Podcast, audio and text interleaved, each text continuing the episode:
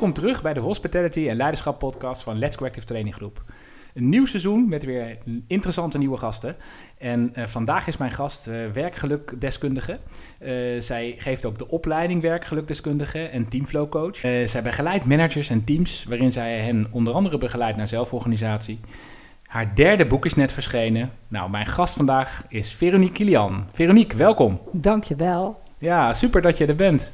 Nou, heel fijn om hier te zijn. En ik, ik noem dat al eventjes. Je hebt net uh, weer een prachtig nieuw uh, boek uh, uit. Mm -hmm. Ik heb er al een stukje in gelezen. Het is al heel interessant wat ik allemaal gelezen heb. Goed en wat, wat, wat was voor jou de aanleiding om dit derde boek te schrijven? Kun je ons daar eens in meenemen? Zeker. Mijn eerste boek gaat over teamcoaching en mijn tweede boek gaat over werkgeluk. Okay. En het leek me een heel logisch vervolg mm -hmm. om te kijken naar teams die floreren met werkgeluk. En omdat ze alle ruimte hebben en krijgen. En uh, omdat het hen lukt om hun potentie en hun creativiteit zodanig in te zetten dat ze ook floreren en er gelukkig van worden. Zeg maar dat ze gelukkig werken. Ja. En uh, zoals altijd heb ik gekeken naar voorbeelden waar het werkt. Uh, ik heb heel veel interviews gevoerd. ik heb gesprekken gehouden. Ik heb. Uh, in de literatuur heb ik uh, uh, inzichten opgehaald. En ik wilde echt weten hoe kan je nou ehm, eigenlijk je eigen autoriteit en je eigen creativiteit zodanig inzetten dat het ten goede komt aan een groter geheel. Ja, ja, dat, uh, dat heb ik gezien inderdaad. En uh, ook die voorbeelden, want je hebt echt concrete cases uit, het, uh, uit verschillende bedrijven gebruikt. Ja. Heb je daar ook rondgekeken in, in die bedrijven? Ja, ik heb een aantal cases komen omdat ik ze zelf ervaren heb. Hè. Mhm. Dus ik beschrijf bijvoorbeeld een traject wat ik gedaan heb met een team. en met, nou ja, in, een, in een organisatie die de omslag wilde maken naar zelforganisatie. En de, ik heb een jaar later teruggeblikt met deze manager van nou, wat is nou eigenlijk het effect geweest daarvan. Mhm. Zodat ik zelf heb gezien, ervaren hoe dit is uitgewerkt. Dat is, één. Hè. Uh, de tweede is, um, ja, ik heb natuurlijk gekeken naar, is dit een bedrijf wat resultaten heeft? is het een bedrijf wat zeg maar ook floreert? Want anders dan is het een, een, voorbeeld wat niet echt tot verbeelding kan spreken. Nou, en ik kan zeggen dat er een aantal bedrijven bijvoorbeeld ook dit jaar weer de FD Gazelleprijs gewonnen hebben. Ze, ze, winnen awards, dus het is wel heel goed dat zij ook in de picture zijn, maar ook gewoon laten zien dat het kan. Ja, ja, nou, waar, nou zijn ze allemaal interessant, hè, denk ik. Uh, maar als ik jou nou vraag van, wat vond je nou, als je praat over de onderwerp van het boek, hè? Um, dus ja, dat leiding geven aan, aan, aan zelforganisatie. Wat vond je dan de meest tot de verbeelding sprekende case? Nou, ik ben heel blij dat ik uh, begonnen ben met uh, Hope Brouwers omdat uh, uh, Hope Brouwers wel laat zien dat dat stukje zelforganisatie werkt.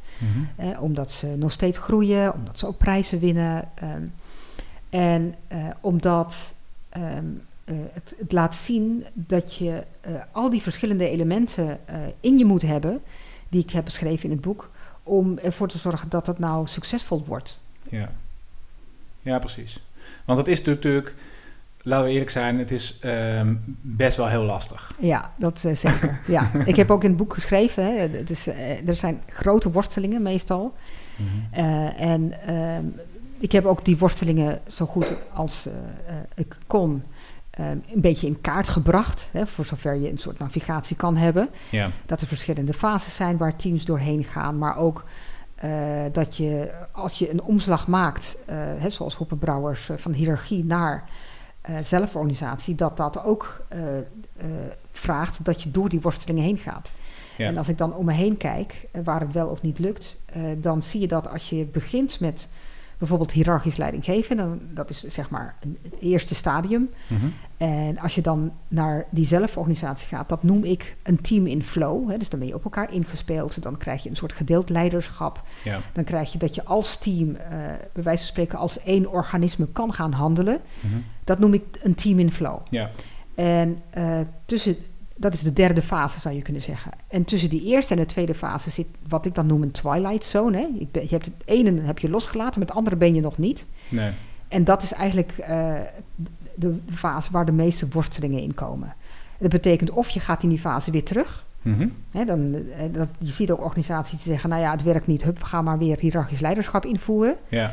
Of je gaat de doorstart maken. Ja, het is een beetje net als bij verandermanagement. Hè? Dus uh, die terugtrekkende beweging die is natuurlijk heel sterk. Mm En er zit nog iets anders achter. Um, als je ook kijkt naar, naar groepsdynamica bijvoorbeeld, ja. daar moet ik meteen aan denken, aan de harmoniefase. Mm uh, zodra je één poppetje in het spel verandert, dan begin je vaak weer uh, helemaal uh, ja. bij de oriëntatiefase natuurlijk. Ja, dan ga je een nieuwe loop maken. Ja, dan ga je een nieuwe loop maken. Dus dat maakt het misschien wel extra ingewikkeld. Dat als je dan eenmaal dat team in flow bent, Mm -hmm. hoe voorkom je dan, en ik, ik, weet niet of je daar iets over kunt zeggen, Zeker. maar hoe voorkom je dan dat je zodra er een wisseling is eigenlijk in je team, mm -hmm. dat je weer opnieuw moet beginnen, maar dat je, dat je dat door kunt trekken, zeg maar. Ja, nou ik denk wel dat het goed is uh, als je een poppetje wisselt.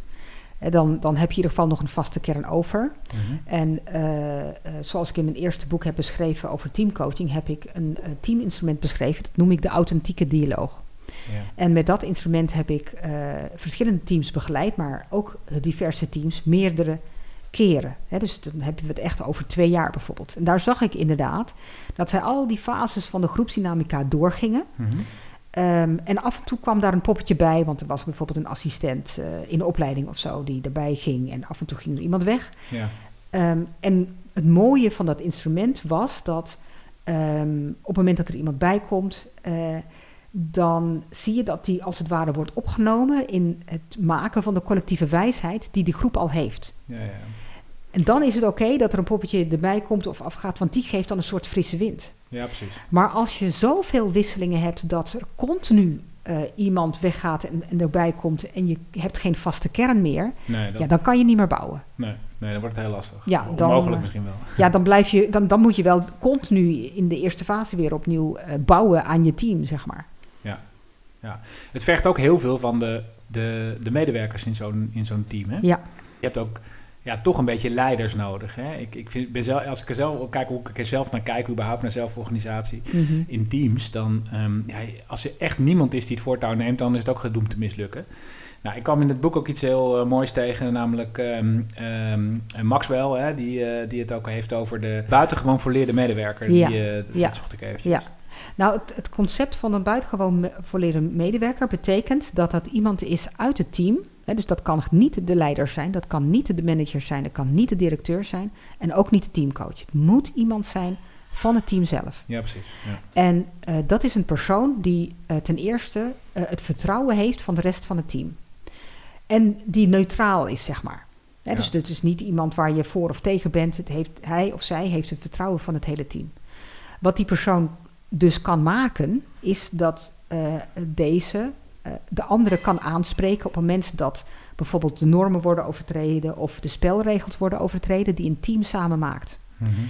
He, want um, uh, teams maken vaak afspraken, maar vervolgens, ja, als je er niet aan houdt, ja, dan heeft, hebben die afspraken allemaal geen zin. Nee. Dus het is wel belangrijk dat je, als je met elkaar waardes afspreekt of spelregels afspreekt, dat er ook iemand is die zegt van hé, hey, um, ik spreek jou erop aan, want dit en dit hebben we afgesproken en ik zie jou iets anders doen. Ja. En, um, maar is het dan, ligt die rol alleen bij die uh, buitengewoon volleerde uh, medewerker?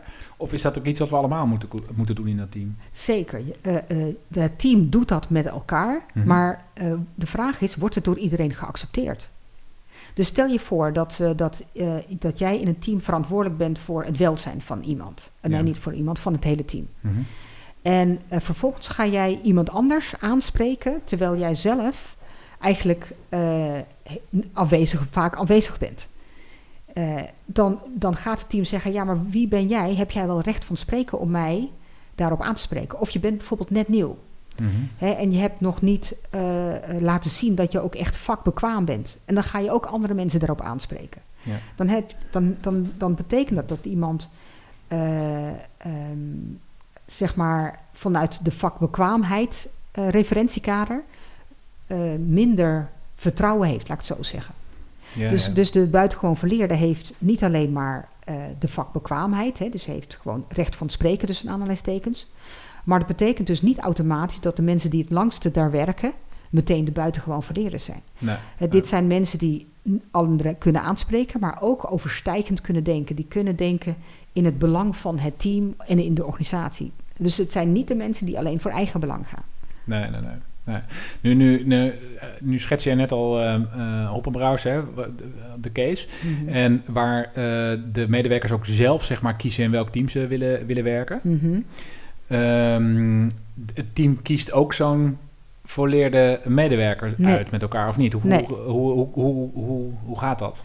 Nou, dat ontstaat. Dat on-. Dus, dus het is, je kan eigenlijk, want dat is het bijzondere van de buitengewoon me- volleerde medewerker. Je kan die niet zeggen van, nou, dat ben jij. Nee. Hè? Ik bedoel, hier, eh, ik, ik geef jou deze stoel en vanaf nu ben jij de buitengewoon volleerde medewerker. Want dat heeft te maken met vertrouwen. Ehm, eh, maar de, de- ik kwam er onder andere op omdat ik, eh, toen ik eh, Hoppenbrouwers interviewde, dat het idee naar boven kwam dat er iemand de, de, de waarden en de normen bewaakt, zeg maar. En dat is een heel belangrijk goed in zelforganiserende teams. Ja.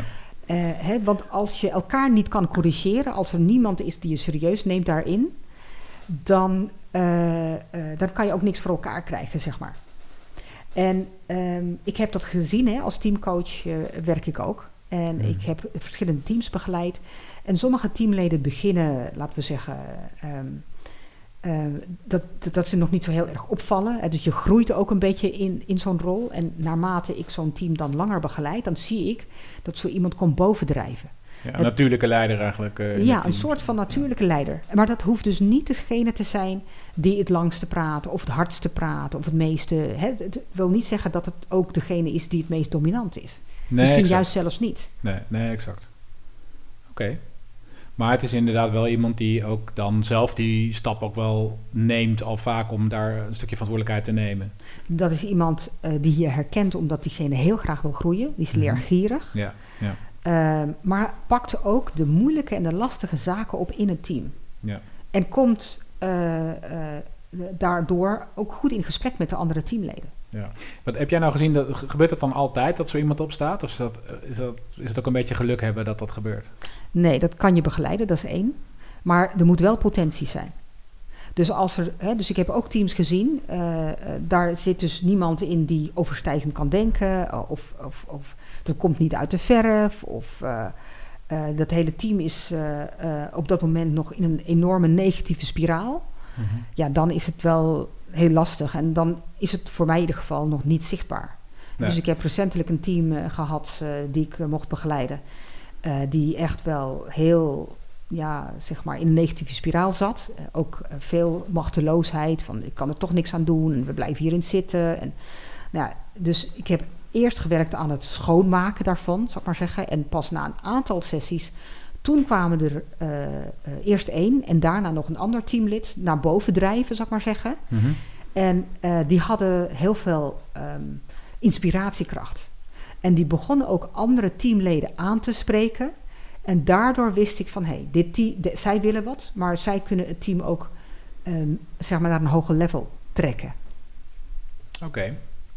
Interessant. Ja, En eh, ja, kijk, ik, ik heb zelf ook heel, met heel veel, ik werk ook regelmatig met teams en ook waar zelforganisatie eh, en zelfsturendheid eh, een rol speelt. mhm. Ehm, en ja, goed, ik zie toch wel vaak dat mensen daarmee worstelen. absoluut. En wat is nou, wat, is er ook iets wat, wat jij hebt gesignaleerd dat dan meestal het euvel is? Of zijn dat heel veel verschillende? Want je beschrijft zoveel dingen in je boek. Ja, ja. Eh, maar ik kan me voorstellen dat het vaak wel op dezelfde dingen neerkomt waar het dan misgaat. Dit zou er zo één kunnen zijn, hè, dat er dus niemand is die eigenlijk die, eh, die buitengewoon volleerde medewerker eh, zou Ja, kunnen, kunnen, rol zou kunnen Ja. nemen. Ik heb inderdaad, ik, ik- daar heb ik verschillende dingen over geschreven. En ik probeer even een ordening te maken, hè, Mhm. zoals ik dat in het boek ook gedaan heb. Eh, ik heb ten eerste in het boek heb ik vijf elementen beschreven. Ja. Die vijf elementen zijn mijn inziens alle vijf nodig in een bepaalde dosering. Eh, ehm, en die elementen heb ik eh, uit de Chinese filosofie gehaald, eh, uit het Taoïsme. Ja, doe jij meer mee, toch? Daar doe ik zeker meer Ja, mee.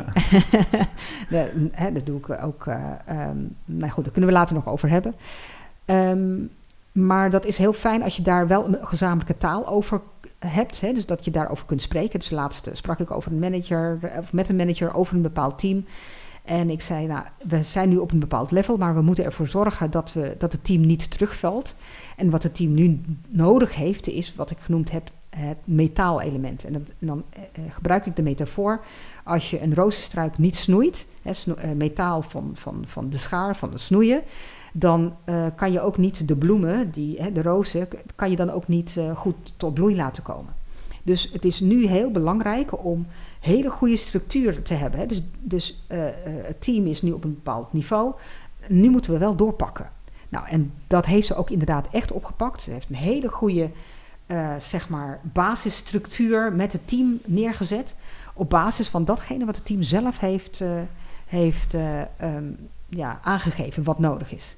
Hm. Nou, als je dan dus op die vijf elementen gaat kijken van nou, wat heb ik nu nodig, wanneer is het nodig en hoeveel is het nodig, dan ga je kijken naar een bepaalde balans. Dat is, eh, dat is de ene kant. En de andere kant is ehm, om niet te onderschatten hoeveel energie het kost hè, voor een team zelf, voor teamleden zelf.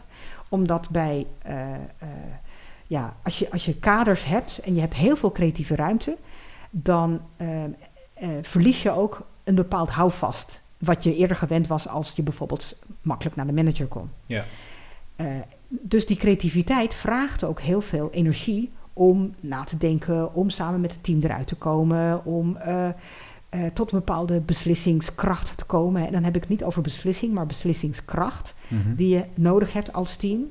ja. En ehm, eh, je moet omgaan met stress. Omdat, je, omdat de hersenen die willen graag houvast, zal ik maar zeggen. Als je die houvast minder hebt, ja, dan, eh, dan gaan de hersenen eh, in een andere modus. Dus, dus hoe zorg je nou voor dat je je creatieve brein aanhoudt? Dus dat zelfsturend vermogen, daar heb ik deel 2 van mijn boeken aan gewijd. Hoe doe je dat en hoe cultiveer je dat en hoe oefen je dat? En dat vraagt ook heel veel reflectie. ja, zeker. Ja, reflectie, maar ook durf Mhm. om buiten de lijntjes, die er dan, als het goed is, niet meer zijn, Nee, te kleuren, maar wel eh, om te weten wat de kaders zijn. ja. Maar die kaders die vormen wel weer nieuwe lijntjes natuurlijk, waar je met elkaar... Nieuwe spelregels, hoe, hoe werkt het? Ja, precies. Maar ja, je Ja, kan dus- ook niet voetballen zonder spelregels met voetballen. Ik bedoel, als de ene Nee, denkt nee, van we gaan voetballen en de ander denkt van nee, we gaan basketballen, dan uh, hè, dat is zoiets als uh, een muziekstuk. Je kan niet en een driekwartsmaat en een vierkwartsmaat doen. Nee. Nee, oké. Okay. Dus de grondtoon moet hetzelfde zijn, laat ik het zo zeggen. Ja, exact. exact. Ja. Oké, okay, ja. duidelijk. Duidelijk. En, en, en um, dus goed, je hebt aan de ene kant zelfsturend vermogen en je hebt zelfsturende teams. Mm -hmm. um, Zel ja, wat het verschil is? Ja? ja. Hoe jij daarnaar kijkt? Ja. Het, uh, um, ik onderscheid dus zelfsturend vermogen, dat is iets van het individu. He, zonder zelfsturend vermogen van een individu krijg je ook geen zelforganiserend team. En bij een zelforganiserend team heb je uh, nog wel leiderschap. Hè, want bij zelfsturing is heel vaak de associatie, er is geen leider meer. Nee. Hè, de, um, uh, maar zeker ook in de organisatie die ik heb gezien, heb geïnterviewd, is er nog wel een leider. Ja, op afstand. Op afstand, ja. zeker, ja. Um, maar wat doe je dan als leider? Hoe, hoe dicht bij je ben je dan bij zo'n team? Ja. En uh, uh, een aantal managers die ik ken, die zeggen van ja, ik heb zoveel teams. Ik kan niet eens, bij wijze van spreken, operationeel leiding geven. Want daarvoor sta ik te ver vanaf. Die teams moeten, ja. hè, moeten tussen aanhalingstekens, zelfstandig werken. Ja, en zelf organiseren betekent dat er wel heel duidelijke kaders zijn. Hè. Dus we moeten wel weten van wat, wat piketpaaltjes zijn, maar daarbinnen um, cultiveren ze hun creatieve kracht. Ja. En bij zelfsturing um, is het veel, veel meer zoeken. Dus ik heb ooit een keer iemand begeleid uh, in de individuele coaching. Die zat in een organisatie met zelfsturing. En ja, die wist ook niet wat die ander nou deed. En die had ook geen functietitel. En dat betekent dus dat, ja, dat, is, dat klinkt heel leuk. Hè? Van nou, we moeten elke keer elkaar opnieuw leren kennen. Ja. Maar het geeft elke keer wel weer botsing. Ja, Want wie doet ja. nou wat? En, uh, en ik wil het zo, uh, op deze manier. En die ander wil het zo, op die manier. Maar van wie, uh, van wie ben jij dan? En, nou, dat geeft, vind ik, onnodige wrijving. Ja, exact. Ja, ja kan ik me voorstellen. Ja, dan ja. heb je helemaal geen structuur en geen houvast. Nee. Hey, hoe gelukkig zijn nou zelf, zelforganiserende teams? Nou, Want dat jij bent natuurlijk echt expert op het gebied van werkgeluk, gelukscompetenties. Ja. Waar je ook een, ook een van jouw boeken ja. over, over gaat. Ja, klopt. Um, wat, um, ja, nou, laten we eens kijken naar dat, dat geluk. Zijn, zijn dat soort teams nou echt werkelijk gelukkiger? En waar ligt dat dan precies aan? Nou, de teams die gelukkiger zijn, die trainen ook geluk. Mhm. Dus die zijn wel daarmee bezig. Ja. Eh, ze worden daarin ook gefaciliteerd door de organisatie hè, om, om eh, ja, met leuke dingen bezig te zijn, laat ik het zo zeggen. Ja, precies. Ehm, Herkenbaar. ja, dus dat, eh, ja, precies. En dan is het natuurlijk ook makkelijker om gelukkiger te zijn. Ja. Maar het gaat er ook om dat ze weten om ehm, eh, dat ze elkaar weten te vinden in hun, wat ik noem, hun highs en hun lows. Want je kunt als team nooit alleen maar highs hebben. Je hebt ook je lows, maar hoe deel je die? Dus als je kijkt naar een van de andere casussen, dan zie je dus dat zij regelmatig eh, eh, een moment prikken met elkaar om hun highs en lows te delen. Ja. Dat is zo ontzettend belangrijk om eh, die verbinding te houden met elkaar. Je kan het niet, tenminste niet als je bezig wilt zijn met werkgeluk, alleen maar houden over taken, zeg maar. Ja. Als je bijeenkomsten hebt. Nee, nee, nee, dat, dat snap ik. Maar als je kijkt naar, ook eh, even naar onderzoeken, dan, dan is het zo dat mensen die werken in een team over het algemeen gelukkiger zijn dan mensen die, eh, die alleen werken. Mhm. En ik, ja, ik vraag me gewoon af, zijn mensen in een eh, zelfsturend team nou gelukkiger dan mensen in een traditioneel team? Is daar iets over te zeggen? Weet je daar iets over toevallig? Nou, als je, eh, dan, even, dan spreek ik gewoon even vanuit mijn referentiekader. Hè. Stel je hebt een zelfsturend team. Die zit zich een slag in de ronde te zoeken naar wat moeten we hier nou doen. De organisatie die zegt, ja, we gaan over tot zelfsturing. eh, en, en geven daar eh, ja, zoveel ruimte voor dat de manager gaat zeggen, ik moet op mijn handen zitten. Ja. Dan zie je dus dat, eh, dat zo'n team enorm in de worsteling komt. Dus aan de ene kant lijkt het heel erg leuk, maar die worsteling is groot, zo niet groter. En ja, dan, dan moet je echt oppassen dat je niet dan ook komt in ja, wat ik dan maar noem verwaarlozing. Mhm. Of eh, zo grote onzekerheid dat je eigenlijk niet weet of je daar wel blijft of dat er zogenaamd iemand anders eh, wel overgeplaatst kan worden naar een ander team. Of ehm, eh, dat je continu maar in een loop zit van dat je net iets afgesproken hebt en dan houdt niemand zich eraan. En dan moet je weer iets opnieuw afspreken en dan moet je het weer. Hè, dus, dus de worstelingen van blijven hangen in zo'n zone, ja, die maken natuurlijk niet gelukkig. Ik heb iemand gesproken Nee, die zei. frustreert alleen maar. Ja, precies. Eh, Als je echt gewoon eh, eh, zeg maar geen bedding hebt. En iemand zei tegen mij: Ja, ik, eh, wij zijn zelfsturend en nou moeten we onze eigen vakanties afspreken. Maar daar zijn dus geen spelregels vooraf over afgesproken. Dat noem ik dus het metaalelement, dus geen structuur. Nee.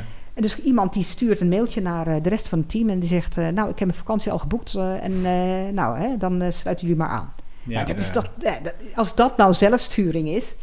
Maar dat doen ze dus omdat ze geen ja, houvast hebben, omdat er geen structuur is.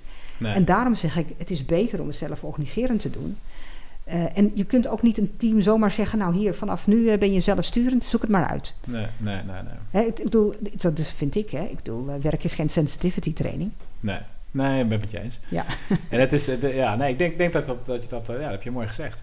Ik denk dat ehm zelforganiserend over het algemeen ook beter werkt dan zelfsturend. Mhm. Zeg dat goed? Ja, vind ik dat is wat ik in ieder geval wel zie. Ja, Dat, ja, eh, wel. Ja, precies. Ja. Ja. Oké. En dan is er ook wel een duidelijke rol voor, voor die manager, die, eh, eh, die wel moet weten in welke fase zit ik samen met het team. Ja. En wanneer ga ik tegen het team zeggen: Oké, je komt hier met deze vraag, maar los het op met je eigen team. Mhm. Of eh, oké, nu moeten we doorpakken, want eh, nu is het klaar met het gemodder, hè, doormodderen. Wat, wat, wat, wat zou nou voor een organisatie, eh, waarom zou het nou een must moeten zijn om inderdaad naar zelforganiserende of, of eventueel naar zelfsturende teams te gaan? Eh, dus, dus de oude, wat meer hiërarchische lijnen helemaal te verlaten. Is daar, ja, wat, zou, wat zou nou een belangrijke reden kunnen zijn om dat te doen? Nou, ik denk als je meer de creativiteit wil aanboren van een team. Ja, Hè, als je het team wil die vast- wordt echt groter. Eh, nou, hoeft niet eens groter te zijn qua omvang. Maar het, het gaat er wel om dat, eh, eh, dat je in een team wil dat, er, dat zij hun eigen autoriteit en creativiteit gaan aanboren. Ja, ja. Want dat betekent dus ook dat ze zelf de leuke, maar ook de moeilijke gesprekken moeten gaan voeren met elkaar. Ja, precies. En waarschijnlijk is voor veel organisaties ook een reden eh, dat het heel veel bureaucratie en tijd scheelt. Ja. Hè, als een team zelf dingen gaat doen. Ja, precies. Oh, inderdaad. Nou, oké. En als het, ja, wat, wat natuurlijk ook eh, nog steeds gebeurt, is dat, eh, dat, dat vooral de reden van een, een laag wegbezuinigen Ja. Ja. Een, een eerste aanzet is om het te doen. Ja, Ehm, stel nou dat dat als organisatie, hè, dat, dat, dat je dat zou willen doen. mhm. Ehm, ja, wat is, dan, wat is dan cruciaal om te doen? Als je het toch wil laten slagen. Nou, ik denk eh, ten eerste om eh, te polsen of het team het zelf wil. Ja, Hè? Want ik bedoel, eh, als, je, als je een laag gaat wegbezuinigen, dan ten eerste moet je ook eh, een hele andere routine gaan opbouwen. Hè? Dus je krijgt een soort cultuuromslag. Ja. Daar heb ik eh, eh, in mijn boek de vijf R's aan gewijd, zoals ik dat noem. Eh, heb ik een model voor gebruikt waarin je de cultuuromslag aan de hand van bijvoorbeeld de verschillen in rollen, verschillen in routines, je moet een andere reflectie creëren. Ja. Dus ehm, op het moment dat een team het zelf niet wil, laat ik het zo zeggen, hè, ja, dan noem ik dat, dan is er geen vuur. Nee. En als er geen vuur is, ja, dan, dan heeft het geen zin, want dan Nee. wil het niks. Nee, exact. En dat is precies waar dat dus dan vaak misgaat. Dan gaat het mis, ja. Ja. Ja. Dus dan niet doen. Hè? Dat is eigenlijk meer het... eh, Ja, dan, ik bedoel, dan zou je beter een andere manier van bezuinigen kunnen vinden. Ja, exact, exact. Nou, ik heb ook het idee dat, dat, dat we die tijd wel een beetje gehad hebben. Maar dat is wel geweest natuurlijk. Hè? Ja. Dus dat, zag je op een gegeven moment een, best wel een trend om, Ja. ja, om veel meer naar zelforganisatie te gaan. Ja. Eh, en dan vervolgens gek vinden dat het niet werkt. Maar ja, Ja. Ja, we hebben nu al een aantal dingetjes al op tafel gelegd die eigenlijk maken waar, waarom dat dan niet werkt. Zou je Mhm. kunnen zeggen. Of juist wel werkt wanneer het er wel is. Nee, nee, exact. Ja, Als het er wel is. Ja. Want dat, dat vond ik ook wel heel mooi. Ook een aantal voorbeelden die je in het boek eh, schrijft. Dat, eh, dat je dan eigenlijk... Elk team gaat zichzelf, eh, gaat eigenlijk zelf ondernemen, zou je kunnen zeggen. En eh, kan mee- daarmee dus waanzinnig succesvol eh, zijn. En het, ja, ik, op een gegeven moment werd er ook ergens beschreven... een hele vloot van scheepjes die dan wel samen nog weer... Ja, klopt. Het bedrijf is Ja. dan de, de vloot, zullen we maar zeggen. Ja. En de scheepjes die, die- varen ook zelfstandig. Ja, klopt. Maken wel deel uit van het grote geheel. Nou, dat vond ik wel een hele mooie beschrijving. Ja. Ja, dat is een mooie metafoor. en dus natuurlijk, ja, het is natuurlijk waanzinnig mooi als je dit kunt laten werken. Ja. En, en ik denk dat je in het boek ook hele mooie dingen schrijft over hoe je, wat daar dan bij komt kijken en hoe je dat dan ook kunt, eh, kunt laten werken. Ehm, maar goed, het blijft dan nog steeds heel, heel erg lastig. eh, want het is, eh, ja, er komt nog wel wat bij kijken, laat ik het zo zeggen. Het is niet... Ja, je moet wel is- bereid zijn om de conflicten aan te gaan, zo noem ik het maar eventjes. Hè. Dus ik beschrijf ook een, een, ja, een aantal coördinatoren die ik heb begeleid.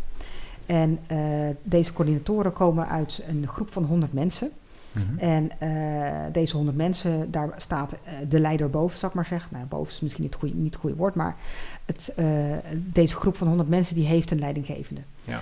En ehm, ik heb dus deze coördinatoren heb ik begeleid. En dat noem ik dan een double loop learning. Hè, want ik leer, leer hun datgene wat nodig is om te gaan doen en te experimenteren in hun team. En dat doe ik met zo eenvoudig mogelijke middelen. Zoals bijvoorbeeld een mindmap maken over wat betekent zelforganisatie nu. En welke waarden hebben we nu. Nou, en wat er dan gebeurt is dat je dan in zo'n team ziet ehm, of ze het er wel of niet mee eens zijn en ehm, of ze alleen sociaal wenselijke antwoorden geven. Dus een van de eh, teamleden, ehm, nou laat zeggen, een van de coördinatoren doet dat in haar team. En dan zegt iedereen, ja, we zijn voor gelijkheid en gelijkwaardigheid. En ze spreken met elkaar ook af dat ze gaan roleren in de taken. En dan is er bijvoorbeeld één persoon en die zegt, ja, maar die taak vind ik niet leuk, dus eh, die ga ik niet doen en ik blijf altijd hier. En dan zijn dat momenten waarop je nodig hebt dat je gaat doorpakken. Want als je dat laat doormodderen, dan komt het team gewoon niet verder. Nee. nee. En ehm, dan komen als het ware de conflicten naar boven. Mhm.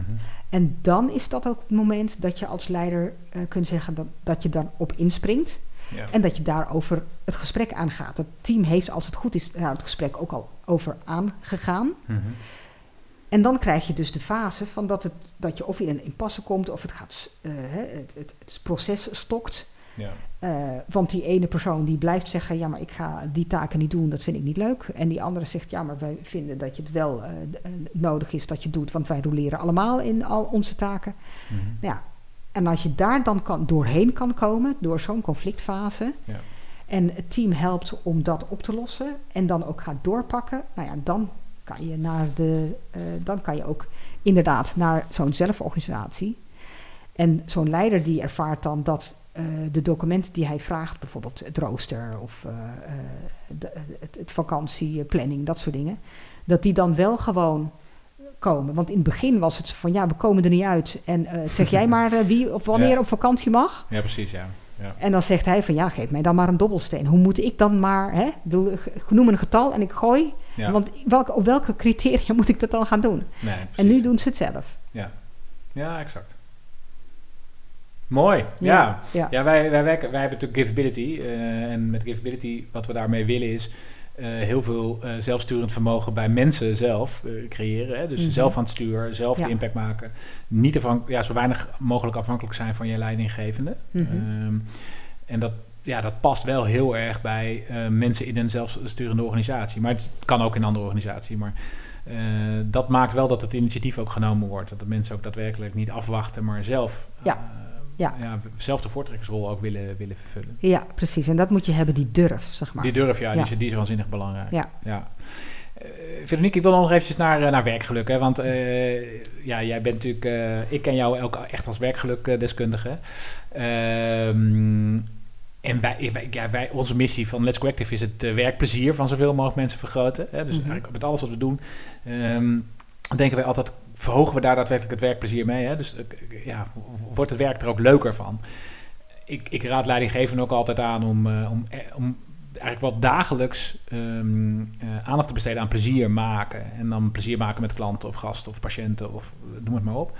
En dat klinkt misschien heel gek, ook voor de luisteraars. Het klinkt misschien heel gek, maar dat is het niet. Want plezier maken gaat natuurlijk helemaal niet alleen maar over lachen, gieren, brullen, noem ik dat maar. Maar gewoon echt over eh, zorgen dat die lach op het gezicht komt. Hè? Dus dat, datgene te doen waar die ander echt gelukkig van wordt. Ja, Ehm, en als je dat dan doet, dan word je daar uiteindelijk ook gelukkiger van. Hè? Dus dat... eh, Mhm. als ik, ik, ik, ik wil jou als, als, als werkgelukdeskundige ook nog eens vragen van... eh, als we nou kijken naar werkplezier en werkgeluk... eh, wat zijn voor jou dan de verschillen en, en, en, en hoe kom je van werkplezier naar werkgeluk? Hoe kijk jij daarnaar? Mhm. Nou, ik denk eh, dat eh, als je het hebt over werkgeluk, dan heb je het over een hele intense ervaring. Ja, Hè? De, de, de aanvliegroute die ik heb en ook heb beschreven is dat op het moment dat je dingen doet waar je gelukkig van wordt, hè, zoals jij dat zegt, dan gaan de gelukshormonen als het ware stromen in het lichaam. Daardoor gaat het zogenaamde higher brain geactiveerd worden. En higher brain, daar zit ons eh, vermogen om creatief te denken, out of the box te eh, denken. Je vermogen om ehm, eh, risico's te nemen die goed zijn. Je krijgt meer zelfvertrouwen. Ja. Dus er gebeuren dingen in de hersenen die jou helpen om ehm, zeg maar te gaan floreren. Ja. En dan ehm, en, en werkgeluk is een zeg maar een soort stemming.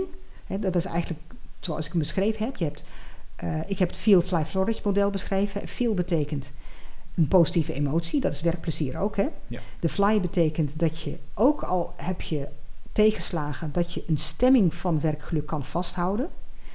En als je dat kan vasthouden, of bijvoorbeeld creatief kan zijn, eh, anders omgaat met tegenslagen, dan ga je door naar floreren. En eh, dat, hè, dus dat is één, het, eh, als het gaat om overeenkomsten en verschillen. En het tweede is, ik denk dat het ook gewoon een kwestie is van taalgebruik. Dus in sommige organisaties mag het woord werkgeluk en in andere organisaties denken ze van nou dat wil ik niet eens noemen. Hè, zo, dat woord wil ik niet eens uitspreken. nee. Eh, en dan mag het bijvoorbeeld werkplezier wel. Nou ja, goed, als je dan als je dezelfde principes gebruikt, hè, dus datgene wat er gebeurt in je hersenen en dat je creatief bent en dat je ehm, gaat groeien en floreren. Nou ja, be my guest. Dus noem het zoals je wilt, zal ik maar zeggen. ja, precies. Het gaat uiteindelijk om het resultaat wat, er, Ja. wat je ermee boekt. Ja, ja. Ja, want gelukkige medewerkers, ehm, die zijn nou, sowieso veel productiever, eh, Ja, toch? ja, Ehm, ja, verkopen veel meer als het moment dat ze in een verkoopgerelateerde functie eh, werkzaam zijn. ja, Eh, ik zag zelfs in een onderzoek van de University of Warwick 37% meer. Dus Ja. dat eh, geeft toch wel aan hoe bizar belangrijk het eigenlijk is om te zorgen dat, ja, dat mensen ook gelukkig worden van het werk wat ze doen. ja. Maar het is niet alleen maar zorgen dat je gelukkig bent van het werk wat je doet. Nee. Want eh, eh, anders, hè, mijn boek heet eh, Train je gelukscompetenties.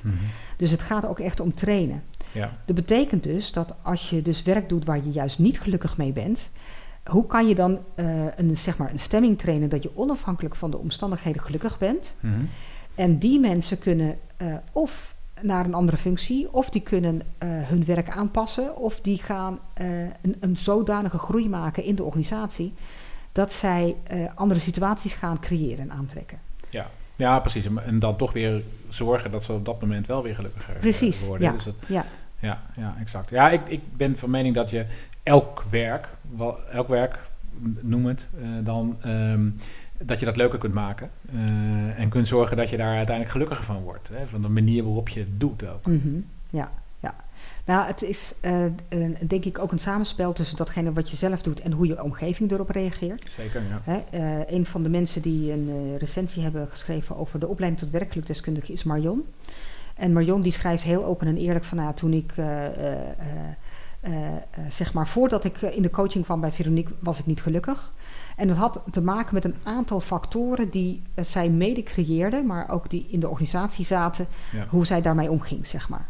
En eh, eh, in- tijdens de individuele coaching, en ze heeft dus die opleiding gedaan tot werkelijk deskundige, ging ze bijvoorbeeld geluksgesprekken voeren. Leerde ze op een bepaalde manier verbinding maken. Ja, leerde ze bepaalde vaardigheden. En nu ehm, is ze, zij is werkzaam bij de veiligheidsregio. Ehm, heeft zij een, een- krijgt zij dus een andere positie om andere dingen te gaan doen met teams. Ja. En eh, dan zie je dus dat een team eh, in het begin denkt van... oh jee, je- hè, eh, dat is Marion en die hebben nog een oude beeld. En vervolgens met haar nieuwe vaardigheden en hoe ze van binnen veranderd is... gaat ze dat team in.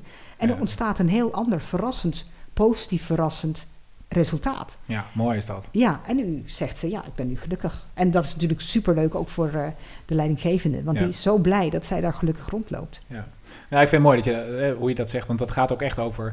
eh, je leert dingen waardoor je uiteindelijk veel meer zelf die impact kunt maken. Dat is precies wat daar ook gebeurt. Dat is ook Ja. wat wij met Giveability eh, Ja. doen. Ja. Ehm, en ik vind het altijd het mooiste als je dat ziet gebeuren, als iemand zo'n omslag kan maken. Ja, En dat. dat ehm, ja, en dat, en dat kan dus ook echt. Hè? Dat, eh, ja zeker. er zijn natuurlijk heel veel discussies. Wij zitten natuurlijk ook heel veel op hospitality. En, eh, en ja, gewoon alleen al de hardnekkige ehm, aanname dat, je da, dat dat aangeboren moet zijn. Of dat je dat in je hebt of niet. eh, daar geloof ik helemaal eh, niks van.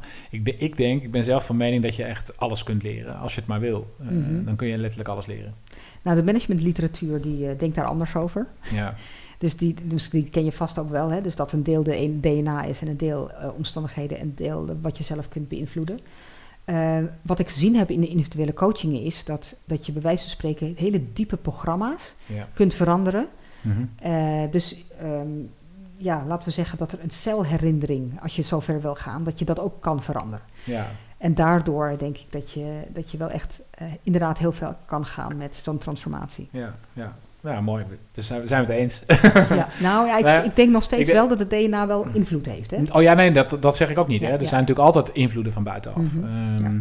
Maar het, het gaat voor een heel belangrijk deel de keuzes die je zelf maakt. En als je die bereid bent bepaalde keuzes te maken, als je dat wilt, dan kun je echt heel veel dingen leren. Ja, het begint met een innerlijk besluit, daar ben ik wel mee eens. Ja. Ja. Ja. En zeker waar het gaat over hospitality. Hè, want we hebben het ook over. Ik, had, ik, had, ik sprak net ook vooral over hospitality, over Mhm, gastvrij zijn. Ehm, en dat heeft heel erg met je communicatie natuurlijk te maken, met je, met je houding, met je gedrag. Dat kun je echt leren. Ja, het is inderdaad eh, eh, een van de gelukscompetenties. Ja. Ehm, ik heb 25 gelukscompetenties beschreven. En Gastheerschap. eh, ja, gastheerschap, gastvrouwschap, zo heb ik het genoemd. Om dat onder de knie te krijgen, Ja. dat, is, dat, dat levert zowel voor jou als gastheer of gastvrouw geluk op, maar ook voor die ander. Zeker, ja. Ja, Ja, dat is ook het mooie. Dat is ook, ja, eh, wij gebruiken bij Giveability eigenlijk ook gast, gastheerschap, eh, hospitality als, ehm, als middel eigenlijk ook vooral. En niet, niet zozeer als een doel op zich. Hè? Dus Mhm. eh, Mhm. dat leiderschap is misschien nog wel veel belangrijker dan, dan de hospitality. Maar Mhm. dat kun je heel mooi gebruiken, omdat dat, ja, ja, wat je geeft krijg je terug. En dat is daar in het kwadraat eigenlijk zo. En ook meteen, je ervaart het ook meteen. Dat, is ook, dat, is, dat maakt het ook zo sterk. Ja, de, de, eh, ehm, ik heb beschreven dat, eh, dat er een soort van gastvrijheidservaring is. Die je kunt ontwerpen en die je kunt eh, inzetten en, en toepassen. En naarmate je dat meer doet en, en ook groter doet in de organisatie, dan krijgt de klant ook een gastvrijheidservaring. Ja, precies. Ja, en dan, dan verhoog je het energieniveau als het ware van beide. Ja, ja van beide inderdaad. Dat, Ja. is, dat, dat, dat is zo gaaf eraan. Dat, Ja. Het werkt gewoon meteen ook aan twee kanten. Ja. En, eh, ja, mooi. Dus ik, ik snap hem dat je gastheerschap als een van de competenties eh, Ja, ja. ja. waanzinnig belangrijk. En ook in elk soort werk, hè? in elke Mhm. functie eigenlijk, overal waar je met mensen te maken hebt. En of dat nou met klanten is, met gasten, patiënten, maar ook met collega's of met... ehm, ja, het maakt eigenlijk niet uit. Eh, altijd is dat belangrijk. ja, dat is een hele belangrijke, zeker. Ja. mooi. Veronique, we, zijn, eh, we, komen alweer, eh, we gaan een beetje richting het einde van, de- van, de, van de podcast. Ehm, heb jij een hele mooie tip aan de luisteraars? Iets Nou. wat jij ze mee zou willen geven? Nou, leuk, eh, eh, hè, deze vraag wist ik dat je die gaat stellen, want ik heb natuurlijk in de vorige podcast van jou geluisterd. Ja. Ehm, ik denk eh, een belangrijke tip is eh, om je persoonlijk leiderschap eh, te gaan ontginnen. Mhm. Eh, dat je daardoor eigenaarschap gaat eh, pakken. Eh, en op het moment dat je dit eigenaarschap gaat pakken, eh, dat je ook eigenaarschap gaat pakken over je eigen werkgeluk. Want als je als je, je eigen higher brain kan activeren, Ja. dan eh, gaat er zoveel positief veranderen in je leven. En ik heb dat al zo vaak gezien, hè, voor mezelf, maar ook bij anderen. Dan kan je ook echt gaan floreren. Als je dat bij jezelf echt aan gaat zetten en in een positieve spiraal gaat zitten. ja. Mooi. Mindset ook, hè, vooral.